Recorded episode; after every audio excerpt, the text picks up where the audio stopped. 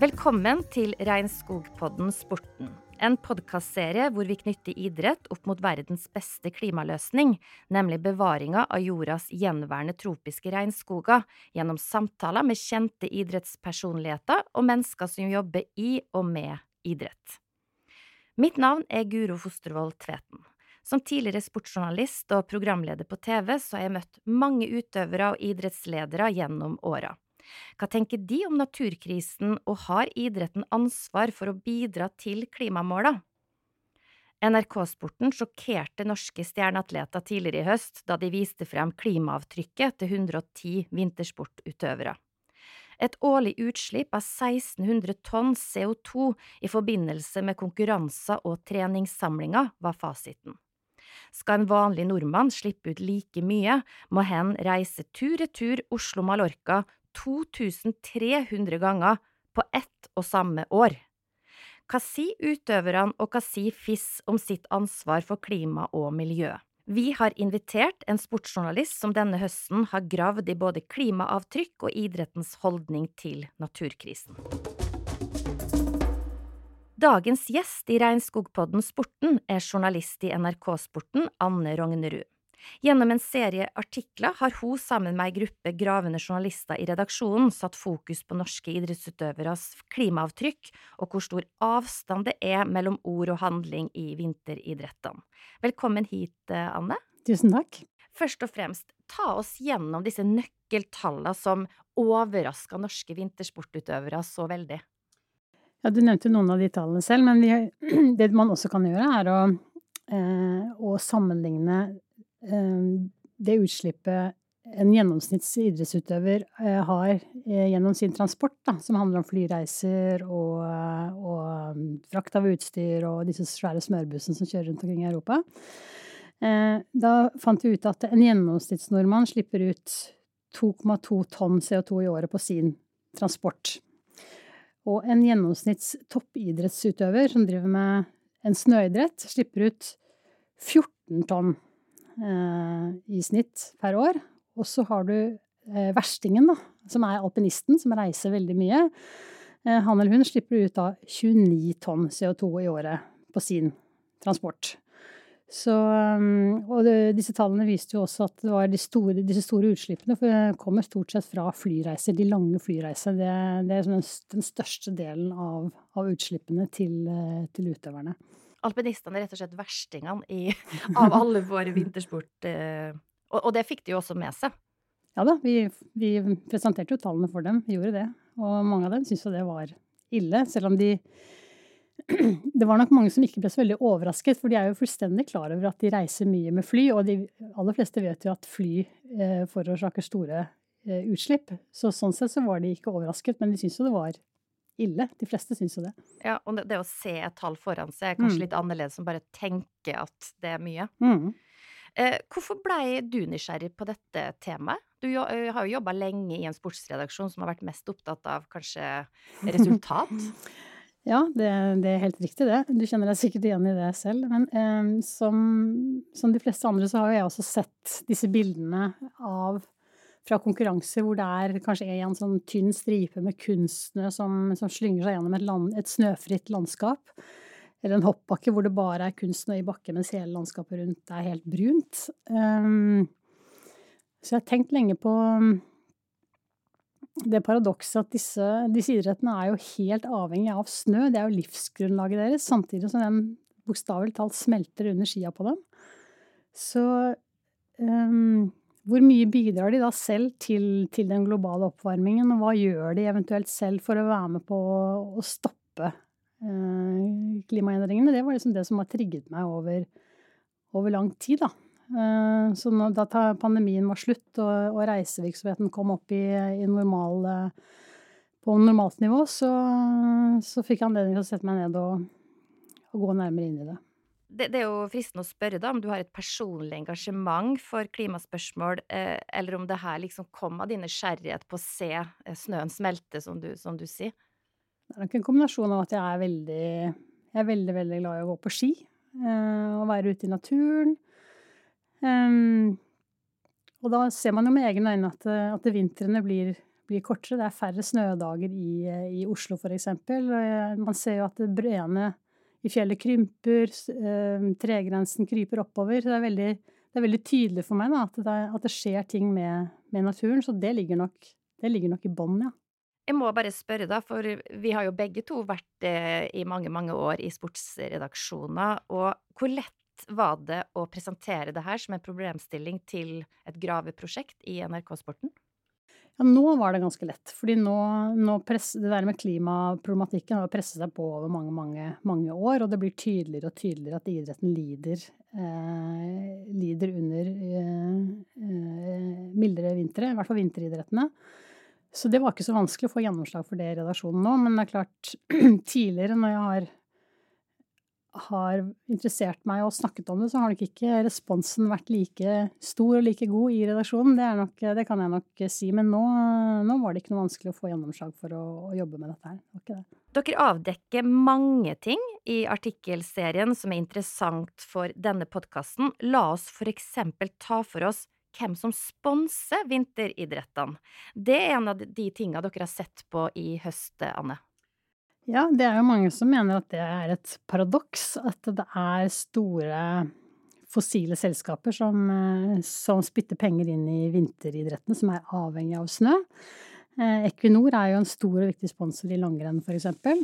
Um, og det er jo mange, i hvert fall miljøorganisasjoner, som er kritiske til at det er disse selskapene som skal, eh, som skal gi penger inn i, inn i vinteridretten. Samtidig så er det jo en kjensgjerning at eh, toppidretten er jo helt avhengig av sponsorer for å få virksomheten til å gå rundt. Det er der de har de største inntektene sine. Um, så de står nok, selv om de kanskje ikke sier det helt tydelig, så står de nok i en slags liten skvis da, eh, om hvor, hvor, idealistiske man skal være i forhold til, til økonomien. Eh, samtidig så sier, eh, for å ta Equinor igjen, siden det er det største selskapet, så sier jo de at de, de skal jo over på grønn energi etter hvert. De er en del av det grønne skiftet. Og det ønsker jo da Skiforbundet å være også en, en del av. Så det er jo det de svarer når de får kritiske spørsmål om hvordan de kan la seg sponse av, eh, av et fossilt, fossilt, selskap. Men hva sier miljøorganisasjonene, da? Eh, de kaller det jo grønnvasking. Noe verken sponsorene eller, eller, idretten selv er, er enig, enig, i. Og så får det være opp til, til, dem hvordan de skal løse dette, og hva som blir, hva som blir løsningen på, på sikt. Men Ja, for det brukes jo ganske sterke ord fra miljøsida. Eh, på, på akkurat det her, da, med sponsoring og eh, at du samtidig da skal hevde liksom at du er en del av, av løsningen, når mm. du samtidig da blir sponsa for de store pengene fra eh, fossile selskap. Mm. Ja, det, um, Eh, Greenpeace for eksempel liker å si, det er jo at eh, det at eh, fossile selskaper sponser vinteridrett, er som om Kreftforeningen Nei, unnskyld, tobakksindustrien skulle sponse Kreftforeningen. Det er jo veldig, veldig tabloid sagt, da, men, men det er jo noe, det er noe symbolikk i det. Det er jo det jo, dere har jo også sett på, eh, på, de som eh, prøver å gjøre noe. Um, dere har blant annet vist at Skiskytterforbundet, sånn som jeg tolker det i hvert fall, er blant de flinkeste i, i klassen. Hva gjør de for å fortjene det stempelet? Eh, jo, de, jo, de, de, prøver jo faktisk å, å, gjøre noe for å kutte, kutte utslippene sine. Eh, så de eh, skal prøve å kjøre mer buss framfor fly, og det gjorde de nå til verdenscupen i Østersund, som var nå for noen uker siden. Da satte de utøverne sine på en buss og kjørte fra Oslo til Østersund istedenfor å ta fly fra Oslo via Stockholm til Østersund. Og da har de regnet ut at det sparer de ca. to tonn CO2 på. Så det er jo en, det er jo en start. Ja, og det hadde sikkert vært lettere å gjøre som de alltid har gjort. Så det viser jo kanskje da i hvert fall vilje til å faktisk gjøre noe konkret. Ja da, det skal de, det skal de virkelig ha. Samtidig så, så, er det ikke sikkert det er så mye mer tungvint å kjøre den bussen. De sier jo selv at nå, nå slipper de, de slipper å bytte fly, og så har jo de med seg våpen. Og det er jo, det er jo ikke bare bare å ta med seg våpen om bord på et fly, så de slipper jo alt det der byråkratiet og hele den papirmølla ved å kunne frakte våpnene sine om bord på denne bussen. Og så kommer de fra dør til dør. Så det er ikke sikkert det er så mye mer tungvint å ta buss, i hvert fall på disse strekningene. Nei, det er kanskje litt verre når man skal ned, nedover i Europa. Ja, og skal du til USA, det skal jo ikke skiskytterne, men, men det er jo en del idretter som, som, som reiser oversjøisk. Og da er det jo verre. Da er det vanskelig. Og så er det jo Det er vel kanskje fair å si at det er jo ikke bare norsk idrett som sliter med det paradokset her. Altså alpinlandslaget til Sverige, for eksempel, de, de sponses jo av SAS. Mm, ja, det er jo også et, eh, et paradoks. Det er jo skrevet en lang rapport om disse skitne sponsorene, og det viser seg at det er ekstremt mange flyselskap og oljeselskap som er inne i idretten. Så kan man stille spørsmål ved om det er tilfeldig, eller om det er en form for, eh, for grønnvasking eller sportsvasking da, fra disse selskapene. Eh, la oss se på uh, utøvere som blir mer enn overraska, da. Uh, uh, noen går jo fra å være sjokkert til å ende opp som klimaaktivister. Blant annet en østerriksk topputøver som kjemper en tapper kamp for al alpinsportens fremtid. Fortell litt om han. Ja, Det syns jeg er en veldig interessant person. Han heter Julian Skytter. Og han er alpinist på ganske høyt nivå. Han er jo ikke av de, eh, av de aller, aller beste i Østerrike, men han kjørte verdenscup i fjor, så han er, jo, han er, jo, der oppe. Så han reiste jeg og min kollega fotograf Trygve eh, Heide ned til Innsbruck og traff nå, nå i høst. Um, det er kanskje noen som husker at det var, eh, det var et, et, lite utøveropprør under VM i alpint i fjor. Da ble det skrevet et brev til Det internasjonale skiforbundet, som ble undertegnet av 500 ulike utøvere. Eh, hvor de ba om at Det internasjonale skiforbundet eh, si, skjerpet klimasatsingen sin. Og initiativtaker og forfatter bak dette brevet, det var Julian Skytter. Det ble titulert 'Idretten vår er trua', var tittelen på det brevet. Ja.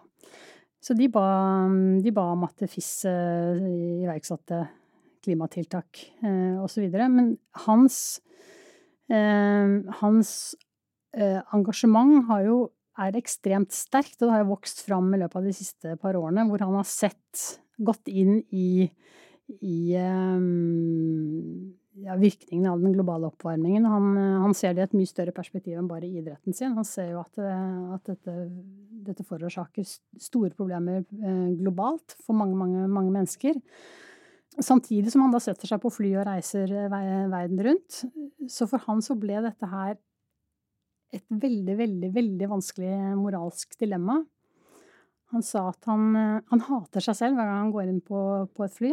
Han, etter hvert så sleit han så, eh, så tungt med dette her at han må begynne å gå til eh, psykolog for å få hjelp til å sortere disse tankene. Han ville jo han ville egentlig helst bare legge opp, da, men han hadde ikke samvittighet til å, å fortsette den, den, virksomheten sin. Så han var han fortalte at han var veldig, veldig veldig langt nede. Så ved hjelp av psykolog så fikk han sortert disse tankene, hvor de sammen fant ut at det er bedre for han å, å bli skikkelig god, og, slik at han får en stemme eh, internasjonalt. Og så skal han bruke den stemmen til å jobbe for klimasaken og være en aktivist. Så det var hans løsning på, problemet, da. Eh, og da var dette brevet til Det internasjonale skiforbundet en av, eh, et av tiltakene. Så han, eh, han, han, var med og gikk et demonstrasjonstog som vi eh, hang oss på da vi, da vi var i Innsbruck. Og, og, han sykler jo rundt i byen der, har jo ikke bil lenger og tar tog så ofte han kan. Er vegetarianer og, og, og holder på. Så han er en, sånn, en ekte, ekte, klimaaktivist, samtidig som han, han driver en veldig si, skitten i anførselstegn virksomhet. Da. Blir han tatt på alvor, også i alpinsirkuset? Eh, åpenbart når man får 500 utøvere til å undertegne. Det var ikke bare alpinister som undertegnet, det var en del det var, det var utøvere fra andre, andre, vinteridretter også. Men han blir jo åpenbart tatt på alvor når han får så mange med seg. Men eh, klart det er jo ikke alle som tar han helt seriøst, for blir, noen mener at han blir for ekstrem da, i handlingene sine. Men han har i hvert fall klart å sette klimaspørsmålet på kartet. Og vi, vi, var jo der nede da vi, eh, for intervjuet han, og da vi var der, så var altså den tyske TV-stasjonen ZDF, som er en stor tysk TV-stasjon, var der også og møtte han. Så det tyder på at han, eh, at han har fått en stemme. 2023 har bydd på flere gode nyheter for regnskogen. Avskoginga i brasiliansk Amazonas falt til det laveste på fem år. I Colombia har den gått ned med 70% og Indonesia har redusert avskoginga med hele 90% siden 2015. Regnskogen hjelper oss ikke bare med å bremse klimaendringene, skogen er også hjemmet til ti millioner av mennesker med unike kulturer, tradisjoner og kunnskap. Mange utøvere fortviler over snømangel og klimaendringer, Anne. Eh, Alexander Aamodt eh, Kilde kjemper jo den samme kampen som eh, alpinkollega Julian, som du snakka om, men gjør det på en litt mindre ekstrem måte, da. Hva er han opptatt av når du snakker med han om de tinga her? Han er jo, som alle, veldig, veldig mange andre, også bekymra for, for vinteren. Han er jo, det er jo levebrødet hans. Eh, og han har også med egne øyne sett breer som, som krymper og, og vintre som blir kortere, så han er virkelig oppriktig eh, bekymra. Så han var jo en av de store stjernene som undertegnet dette brevet til Skytter. Eh, og så, tror jeg, så benytter han anledningen når han får spørsmål, til å, å snakke om at eh, nå må Det internasjonale skiforbundet ta tak ved f.eks. å endre denne rennkalenderen. da sånn som den er i dag, så, så legger den opp til at det reises For mange så skal de reise to ganger over Atlanteren til USA for å konkurrere der, f.eks. Det ber jo han og flere andre om at de prøver å effektivisere kalenderen litt mer, så de i hvert fall bare får én reise til, til Nord-Amerika i løpet av sesongen. Og at man prøver å gjøre kalenderen mer kompakt, slik at man konkurrerer på et uh, har flere konkurranser på et, innenfor et mindre område, istedenfor å reise hit og dit i en sånn stjerneformasjon. Så han benytter anledningen til å, til å, å snakke om det. Men han sier jo selv, sier jo selv at det, skytters engasjement oppfatter han nok som litt ekstremt, han gjør det. Men allikevel så applauderer han selvfølgelig det han gjør. Men han kunne aldri tenke seg selv å gå i demonstrasjonstog og, eh, og, og drive aktivisme på den måten. Når du snakker om rennkalenderen, så er det ganske viktig, for det her er selve kjernen i, i, i kanskje løsningen, da. Mm. Ja, det handler jo om å, å minske flyreisen flyreisene så mye som, som mulig. Um, og hvis man klarer å, å, løse det, eller i hvert fall gjøre det bedre, så har man jo kommet et stykke på vei. Uh, Skiskytterforbundet har jo eller Det internasjonale skiskytterforbundet har jo ingen reiser uh, til andre steder enn i Europa. Så de har en mye mer kompakt kalender som gjør at det reises mindre. Og derfor har de også anledning til å ta buss, da. Uh, så det kan jo hende at det kan være lurt å se på hvordan de driver. Men på den annen side så er Nord-Amerika ekstremt viktig for ski, den alpine industrien. Det, det, er der, det, er der, mye av økonomien ligger, nemlig å gjøre alpint stort i USA og Canada. Så det er ikke, det er ikke bare bare å, å stryke de fra kalenderen eh, heller. Eh, mange vil si da at utøverne har en kort karriere, de skal prestere maks, det er det de blir målt på, og derfor så kan de ikke ha hodet sitt i store klimaspørsmål og sånn.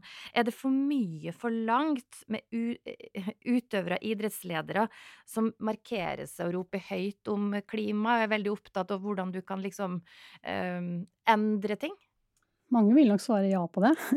um, det er jo et ekstremt liv disse utøverne lever. Um, de har jo et veldig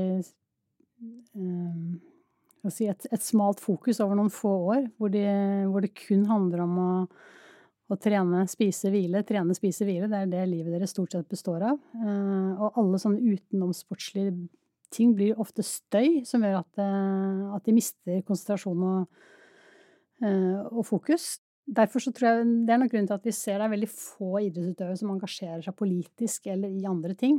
Um, selv om de, det er mange av dem som, som mener mye sterkt og, og har, eh, kanskje har et indre engasjement, men de har ikke energi og krefter til å, å bruke, bruke, tid på det.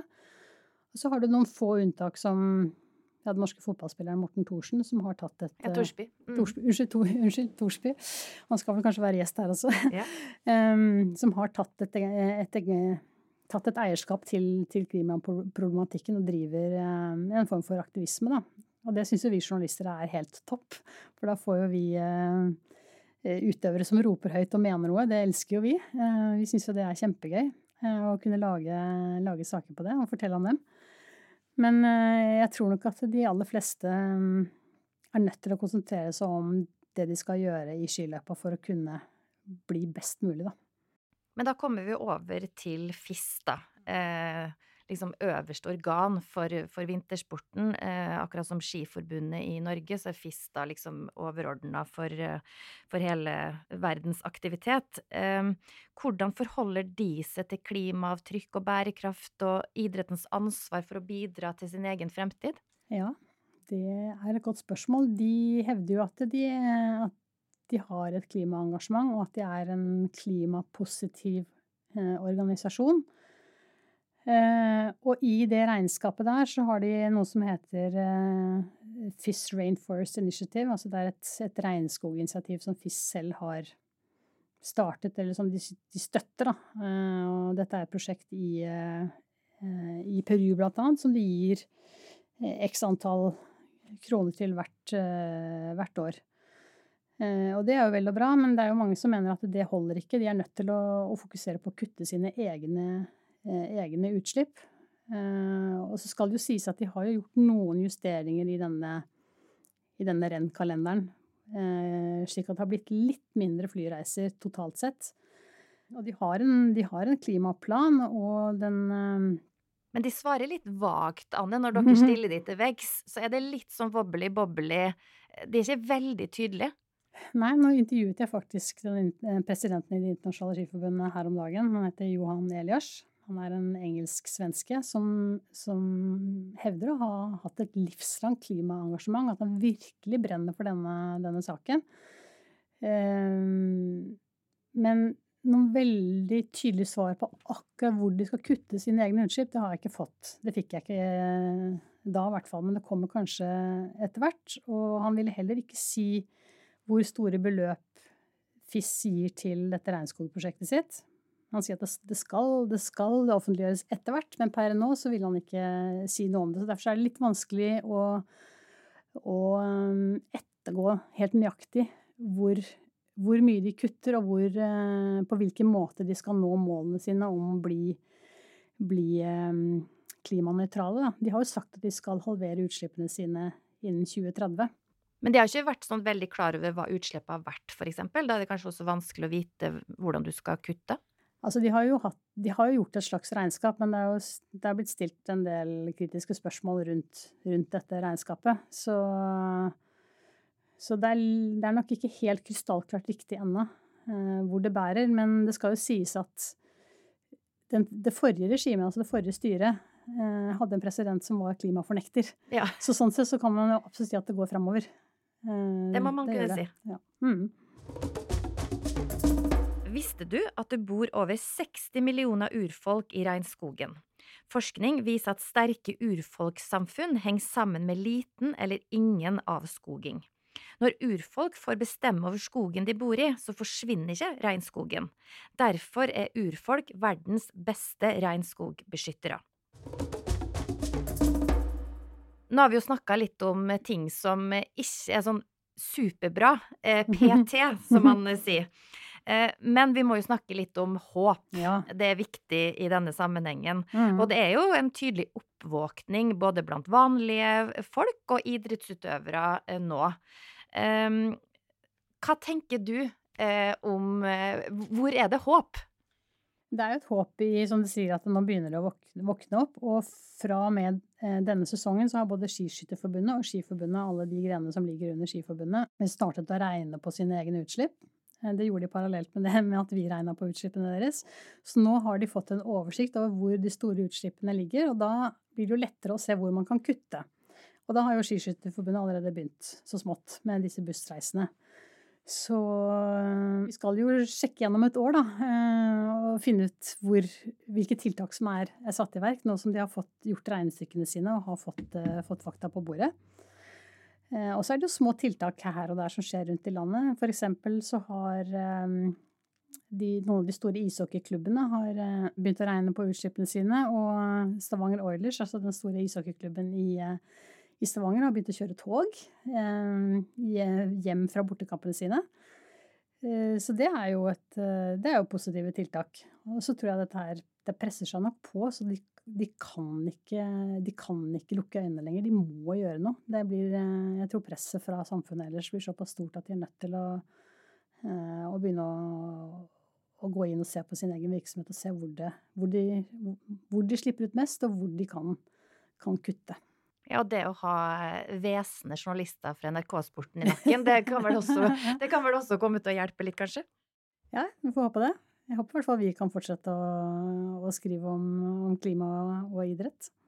Hva med breddeidretten? Nå har vi snakka om toppidrett. Eh, summen av alle som driver med idrett i Norges land, det må jo utgjøre et enormt avtrykk?